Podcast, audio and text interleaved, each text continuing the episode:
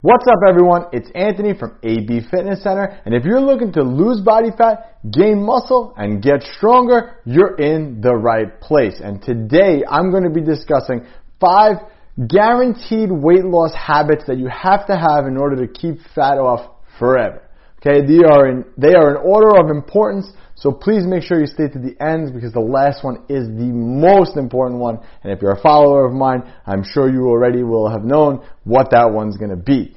But let's get rolling. So, number one is, well, I guess in this case number five, but whatever. Number one, the first one we're gonna cover is gonna be eating more protein in the morning. In order for you to really, really maximize the amount of muscle that your body can put on and to really help you to change your physique, you need to be eating more protein, especially for breakfast.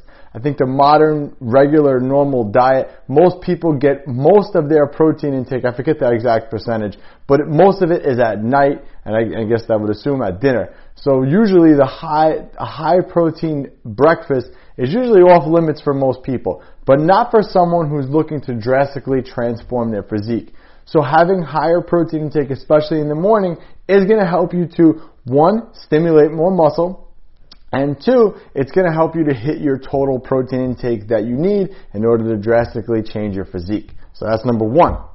Number two is you're going to be making weight training part of your life. That's it, guys. That's, that's how it goes. You don't just pick up a barbell and dumbbells and do that for six weeks and then stop. This is something that continues lifelong. I've been training and weight training since I am 14, 13 at this. I'm, I'm currently, it's like 20 years later. So give or take, it's a very, very long time. It literally has become part of my life. And that's one of those things that you need to keep in there. Remember, weight training is weight training, not just going to the gym, but actually following a progressively smart weight training program will help you to tell your body to stimulate muscle and to put more of that muscle tissue on. Remember, the more muscle you have, the faster your metabolism is going to be, the more ripped, toned, and everything you're going to look, and the better off people are going to notice you a lot more doing that than doing any other form of activity. So you got to make that part of your life. Number three, bottom line, you got to be flexible with your nutrition approach. If I told you I never want you to have a carb again, and you really wanted to get in good shape, I'm sure you could do that for an extended period of time. I'm sure you could because you want the results. But it's going to come that one day where you're like, you know what? He's not looking. And then you eat everything. That's kind of the way it goes, right? So what we need to do is we need to kind of stop that and remind you that your body doesn't discriminate against foods.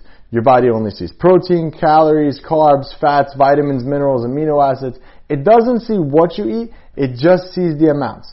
So if you're flexible with your eating, you're going to be able to stick to this more longer term. And this is ultimately has allowed me to continuously, um, I don't want to say diet, but continuously track my intake for over 20 years. I go out to eat with my family. I have junk food. I have pizza. I have this. I have that because I'm able to fit it into my total intake. And this has allowed me to continuously make progress all this time. So again, that's going to be one of the things that you need to realize with this is that even if you're following a low carb approach right now, is that the best option for the long haul?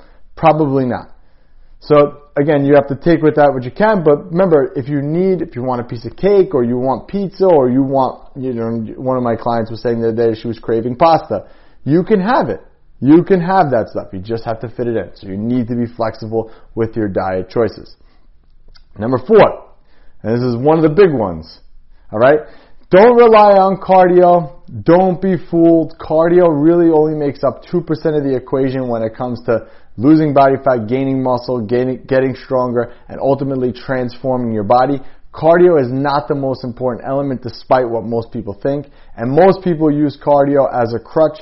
We don't want that. I'm not saying it shouldn't be used. I'm not saying it's not a good tool, but don't rely on that for your fat loss. Do not. It's not something that's gonna just because you did an hour of cardio today doesn't necessarily mean you're gonna, you can go home and eat those same calories that you burned. It doesn't work like that. Remember, the more cardio you do, the more your body becomes reliant on that cardio, and then that becomes your new maintenance. So if you're doing an hour of cardio every day, and you stall out, you're gonna have to do more cardio in order to push that deficit down. So don't become reliant on just doing cardio. Don't be fooled into thinking that I need to be doing more running. And remember, when your goal is to morph your physique and change the way your body looks and to look better naked, you need to be practicing kind of what you preach.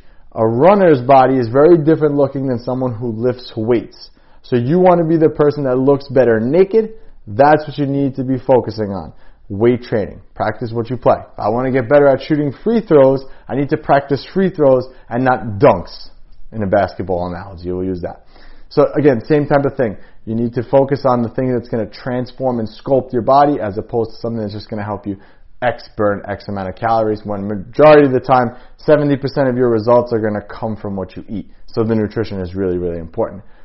Now, number one, you need to keep this habit long term. This is going to be the most important habit, and I'm going to shout out and call out one of my clients. I'm not going to say her name because I promised I wouldn't do that.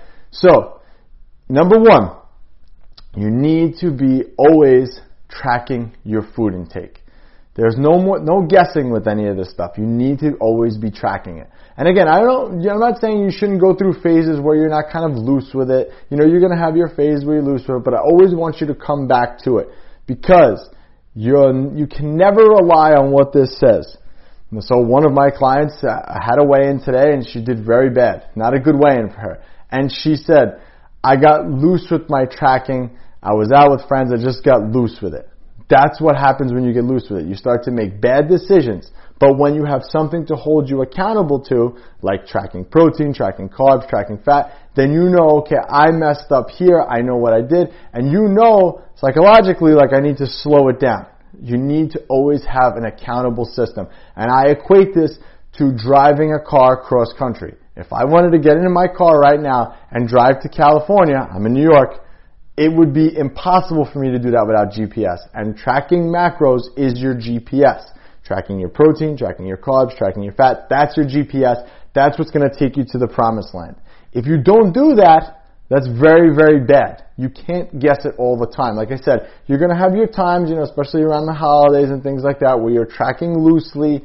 But again, it's for a purpose. Then you need to come back, rein it in, and make sure you tighten everything up again. So this way, you know. But that is the number one most important tip. You need to have that GPS in order to get you to the promised land.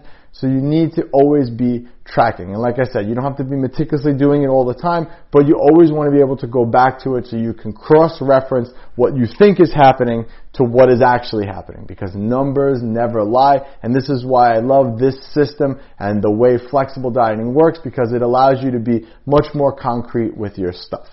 So, if you're interested in sitting down with me to strategically map out a fat loss plan for you, click on the link below and you'll find out more info there. Make sure you subscribe and turn on those notifications so you don't miss more videos helping you to transform your physique and look better naked. Check out this video and I'll catch you guys on the next one.